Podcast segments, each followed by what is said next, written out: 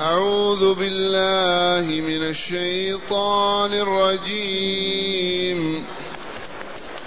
وآية لهم أنا حملنا ذريتهم في الفلك المشحون. وخلقنا لهم من مثله ما يركبون. وإن نشأ نغرقهم فلا صريخ لهم فلا صريخ لهم ولا هم ينقذون إلا رحمة منا إلا رحمة منا ومتاعا إلى حين وإذا قيل لهم اتقوا ما بين أيديكم وما خلفكم لعلكم ترحمون وما تأتيهم من آية من آيات ربهم إلا كانوا عنها معرضين أحسنت. معاشر المستمعين والمستمعات من المؤمنين والمؤمنات. قول ربنا جل ذكره وآية لهم. من هؤلاء؟ هؤلاء المكذبون بالبعث والحياة الثانية. المنكرون للبعث والجزاء يوم القيامة. هذه الآيات لمن يشركون مع الله آلهة باطلة. هذه الآيات من يكذبون رسول الله ويقولون لست برسول. هذه الآيات وهي علامات كونية. من أوجدها؟ الله. دالة على وجود الله وعلى علمه وقدرته وحكمته. دال على أنه لا يعبد إلا الله. دال على أن محمدا صلى الله عليه وسلم رسول الله. وإلا كيف ينزل عليه هذا القرآن؟ كيف يتلو هذه الآيات ويقدمها بين يدي الناس ويطبقها؟ دال على قدرة الله على أنه قادر على أن يحيينا بعد موتنا ليحاسبنا على عملنا في هذا اليوم ويجزينا به. إن كان إيمانا وعملا صالحا فالجزاء الجنة دار السلام. وإن كان كفرا وشركا وعملا فاسدا فالجزاء النار دار البوار والفجار والعياذ بالله الواحد القهار. قال تعالى وآية لهم. ما هذه الآية؟ أنا حملنا ذريتهم في الفلك المشحون. تذكرون ما جاء في كتاب الله؟ أن عبدا من عباد الله نبأه الله وأرسله وهو نوح عليه السلام. أرسله في وقت انعدم التوحيد وأصبحت البشرية وهي محدودة العدد في ذلك الوقت إذ ما بين نوح وآدم إلا ألف سنة أو زيادة فقط. يعبدون الأوثان والأصنام. بل عبدوا يغوث ويعوق ونصر. كيف عبدوهم؟ لأن الشيطان قال لهم اجعلوا لهم تماثيلا. إذا شاهدتموهم تقر عيونكم وتخشى قلوبكم. يغوث ويعوق ونسر هؤلاء كانوا عبادا صالحين. والله العظيم. فلما ماتوا جاءت الشياطين وأمرتهم بالبناء عليهم ووضع علامات تدل على كذا. مضى قرن قرنان جاء الشيطان وقالوا اجعلوا لهم صور على قبورهم. نشاهد الصورة تدلنا على صاحب هذا القبر. وعبدوهم مع الله عز وجل. فأرسل الله تعالى إليهم عبده ورسوله نوحا عليه السلام. فمكث بينهم ألف تسعمائة وخمسين سنة يدعوهم إلى التوحيد. فلبث فيهم ألف سنة إلا خمسين عاما. وهو ليل نهار سرا وجهرا. واقرأوا سورته في القرآن سورة نوح فيها بيان هذا وتفصيله. فلبث فيهم ألف سنة إلا خمسين عاما وهم يزدادون كفرا وطغيانا وشركا وباطلا وخبثا وضلالا. ومن ثم سأل نوح ربه النجاة الخلاص من هذه الأمة الهابطة فأوحى إليه أن يصنع فلكا سفينة وأعانه عليها الملائكة. وصنعها وجاء الطوفان العام. إذا وركب في السفينة بأمر الله ومعه نيف وثمانون رجل ومعه هذه الفرقة التي نجت والبشرية كلها غارقت. هؤلاء الذين في السفينة منهم نحن تزوجوا وتناسلوا وأصبحنا منهم. وهم ذرية آدم عليه السلام. فقال تعالى مذكرا لهم وآية لهم أنا حملنا ذريتهم في الفلك المشحون. ذرية آدم ذرية آدم عليه السلام الذين كانوا مع نوح وهم المؤمنون الصالحون حملهم في سفينة واحدة وهي الفلك المشحون المملوء المملوء. إذ حمل فيه نوح من كل صنفين زوج ذكر وأنثى من الحيوانات ومن النباتات ومن غير ذلك لأن الأرض ستنتهي. عمها الطوفان. فمن فعل هذا الفعل سوى الله؟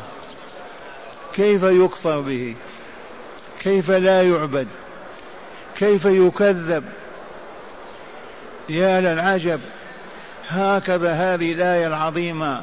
تجعل العبد يشهد أن لا إله إلا الله وأن محمد رسول الله وأن البعث الآخر حق ولا بد منه للجزاء على الكسب والعمل في هذه الدنيا. وآية لهم أنا حملنا من الذي حمل الله؟ هو الذي خلق الماء وخلق نوحا وأعانه على السفينة وكانت السفينة وحملهم. هو الذي حملهم وإلا لا؟ في الفلك المشحون. ثم قال تعالى وخلقنا لهم من مثله ما يركبون. لا بأس أن تقول الإبل كالسفينة في البحر. الإبل في في الصحارى كالسفن في البحر. ولكن المراد من هذا السفينة التي أمر نوح بصنعها بأمر الله عز وجل وعونه فكانت أول سفينة في الأرض. ومثلها السفن إلى اليوم يركبونها في البحور ويتاجرون على ظهورها ويربحون.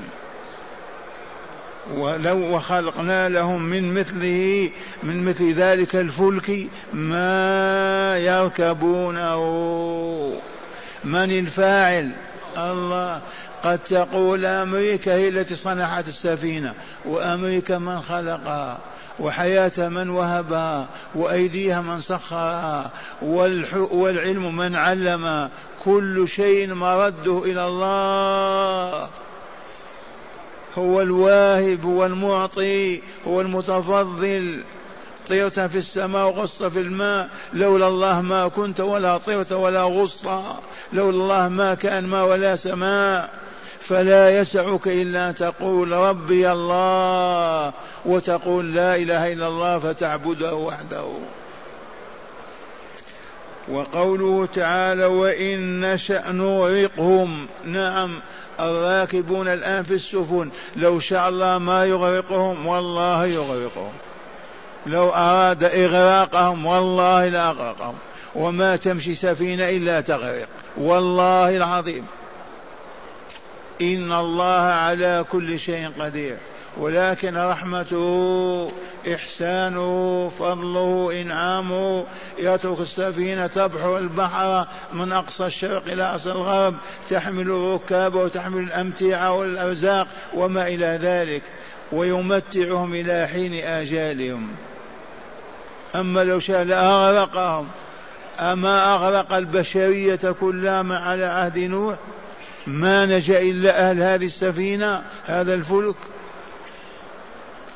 وإن نشأ نغرقهم فلا صريخ لهم. الصريخ الذي يسمع صراخهم فيجيبهم وينقذهم. يوجد صريخ إذا أغرق الله السفينة من يمد يده ومن يصرخ. من يزيل صراخهم وبكاهم وصياحهم. لا أحد إلا الله. ولا هم ينقذون من ينقذهم. إذا أراد الله إغراقهم فوالله ما يقوى أحد على إنقاذهم. هذا هو الله رب العالمين. الذي يجب أن نحبه أكثر من أنفسنا وأموالنا وأولادنا. هذا الذي يجب إذا ذكر بين أيدينا. نقول الله أكبر سبحان الله الحمد لله. هذا الذي إذا قيل لنا إنه يحب الكلمة الفلانية نقولها نتملقه بها ونتزلف إليه. يحب العمل الفلاني نعمله تقربا إليه. إذا قيل يكره الكلمة الفلانية والله ما نقولها. يكره المشي الفلانية ما نمشيها. هذا هو الله ولي المؤمنين والمتقين. أين الإيمان وأين المؤمنون؟ ولا هم ينقذون. اللهم إلا رحمة منا ننقذهم ما يغرقون ونمتعهم بالطعام والشراب إلى حين أجالهم حتى يستوفون أعمارهم ويموتون. فقط. وإلا لو شاء والله لأغرقهم ولا يجدون من ينقذهم ولا من يرفع صوتهم أصواتهم أبدا. ولكن رحمة الله تقتضت أن يعيشوا على كفرهم على جهلهم يوم من يوم ويكفر من يكفر ويتمتعون أيام أعمارهم وحياة آجالهم ثم ينتهون إلى الموت الأبدي. ثم قال تعالى وإذا قيل لهم اتقوا ما بين أيديكم وما خلفكم. من هؤلاء؟ نحن. كفار قريش. أهل مكة والرسول فيها. والآية تنزل في مكة. وإذا قيل للمشركين الكافرين الفاسقين الفاجرين اتقوا ما بين أيديكم. ما تدون ماذا ينزل الله بكم؟ وباء. يسحتكم سحتا. إغراق بالماء. خسف بالأرض. أمراض لا حد لها. بلاء وباء. اتقوا ما بين أيديكم بطاعة ربكم وأخذ بدينه وشرعه. لا تخرجوا عن طاعة الله ورسوله فتتعرضون للعذاب والدمار في الدنيا. اتقوا ما بين أيديكم وما خلفكم وراءكم من الحياة الثانية. اعملوا لها لتنجوا وتسعدوا فيها. وذلك بالإيمان وطاعة الله ورسوله. لا نجاة إلا بالإيمان الصحيح وطاعة الله ورسوله صلى الله عليه وسلم وذلكم بفعل الأوامر واجتناب النواهي. فعل ما أمر الله ورسوله بفعله قول ما قال الله ورسوله بقوله اعتقاد ما أمر الله ورسوله باعتقاده مع اجتناب وابتعادك عن كل ما حرم الله من النظرة المحرمة إلى الكلمة الباطلة إلى اللقمة الحرام إلى إلى بهذا يتقى الله. هذا هو الطريق الموصل إلى رضوان الله. هذا الذي ينجي من عذاب الدنيا وعذاب الآخرة. وإذا قيل اتقوا ما بين أيديكم ما خلفكم لعلكم ترحمون يسخرون ويضحكون ويقولون ماذا يقول هذا هذا مجنون. والآن والله لا يقال هذا القول. ما قيل هذا الكلام في أهل الكفر والعلمانية والإلحاد إلا قالوا هذا الكلام بل أعظم من هذه. اتقوا ما بين أيديكم خشية أن يخسف الله بكم الأرض بهذا الزلزال يضحكون ويسخرون. اتقوا ما وراءكم الحياة الثانية كيف نتقي ما فيها من العذاب والشقاء؟ بالإيمان والطاعة أطيعوا الله ورسوله بعد الإيمان يسخرون ويضحكون. والله العظيم. هذا خبر أخبر الله به وإلا لا الله يكذب حاشاه وتعالى الله عن الكذب. وإذا قيل لهم اتقوا ما بين أيديكم وما خلفكم لعلكم ترحمون أين الجواب؟ يضحكون ويسخرون ويعرضون. تباتم إلى الآن الجهال الضلال إذا خوفته بالله وما عند الله يسخر ويضحك. ويعرض عنك وما يسمع كلامك أبدا ويمشي. ما سر ذلك؟ ضعف الإيمان لأن ضعيف الإيمان كالمريض.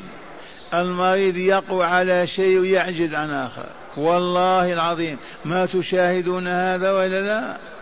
المريض يعجز عن أشياء ويقدر عن أخرى لمرضه الصحيح يقوى على كل شيء ويقدر عليه. فمن كان في إيمان ضعف فهو والله كالمريض سواء بسواء. ومن كان لا إيمان له فهو ميت كما علمنا لا حياة له بالمرة. حتى ينفخ فيه الروح ويقول أشهد أن لا إله إلا الله وأشهد أن محمد رسول الله حي حينئذ يؤمر بطاعة الله فيطيع. وإذا قيل لهم اتقوا ما بين أيديكم وما خلفكم لعلكم ترحمون. الجواب يعرضون ويسخرون ويضحكون. ثم قال تعالى أيضا وما تأتيهم من آية وما تجيئهم من آية من آيات ربهم الدالة على وجود الله على علمه على قدرته على حكمته على نبوة رسوله على أن الإيمان حق وعلى أن الدار الآخرة حق. كلما تأتي آية إلا كانوا عنها معرضين. ما تنزل آيات من القرآن تعلم بالدار الآخرة وتبين ما فيها إلا يعرضون. من هؤلاء؟ الكافرون المشركون الملاحدة العلمانيون. وهم بلايين هكذا يقول تعالى وما تأتيهم من آية من آيات ربنا تقرأ عليهم من آيات ربهم إلا كانوا عنها معرضين لأن قلوبهم منتكسة. ما هي مفتحة؟ تقبل. عمياء بسبب الكفر والشرك والعياذ بالله عز وجل. لو كانت القلوب حية تعي وتسمع ويستجيبون ويبكون لكن قلوب منتكسة والعياذ بالله. ماتت قلوبهم. والآن مع هداية الآيات. بسم الله والحمد لله والصلاة والسلام على رسول الله. من هداية هذه الآيات أولا بيان فضل الله على البشرية في إنجاء ذرية قوم نوح الكافرين. أولا بيان فضل الله على البشرية كلها. إذ أنقذ ذرية نوح وكنا منهم. هذا فضل عظيم وإلا لا؟ لو أغرق تلك السفينة أيضا وما بقي أحد. من أين كيف نوجد؟ هذا فضل الله عام للبشرية كلها. إذ أنقذ أجدادنا آباءنا في تلك السفينة وبمثلها كنا ناسا في الأرض. نعم. ثانيا حماية الله تعالى للعباد ورعايته لهم وإلا لهلكوا أجمعين ولكن أين شكرهم؟ الله أكبر. ثانيا بيان حماية الله للعالمين وحفظهم والعناية بهم وإكمالهم وإسعادهم في الدنيا. لولا ذلك لهلكوا في يوم واحد. لولا رعاية الله لنا وحفظه لنا والله ما نعيش يوم واحد بذنوبنا وآثامنا. لكن فضل الله ورحمته بالبشرية حتى نستوفي آجالنا ونموت بها. نعم. ثالثا بيان إصرار كفار قريش وعنادهم الأمر الذي لم يسبق له مثيل. بيان إصرار قريش على الكفر وبيان عنادهم وجدالهم والعياذ بالله. حتى أهلك الله رؤساهم وماتوا في بدر وبعد ذلك آمنوا ودخلوا في الإسلام. وأخيرا الإشارة بالمثلية في قوله من مثله إلى تنوع السفن من البوارج والغواصات والتربيدات الحربية. لطيفة علمية.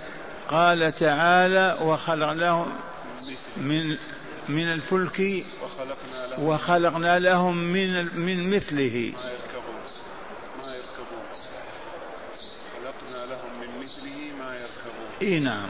خلقنا لهم من مثل ما يركب كلمة مثله تدخل سائر أنواع السفن في الأرض والغواصات والفلك مطلقا. كلمة مثل لها أمثال عديدة. نعم. وكذلك كان الآن أنواع السفن كأنواع السيارات.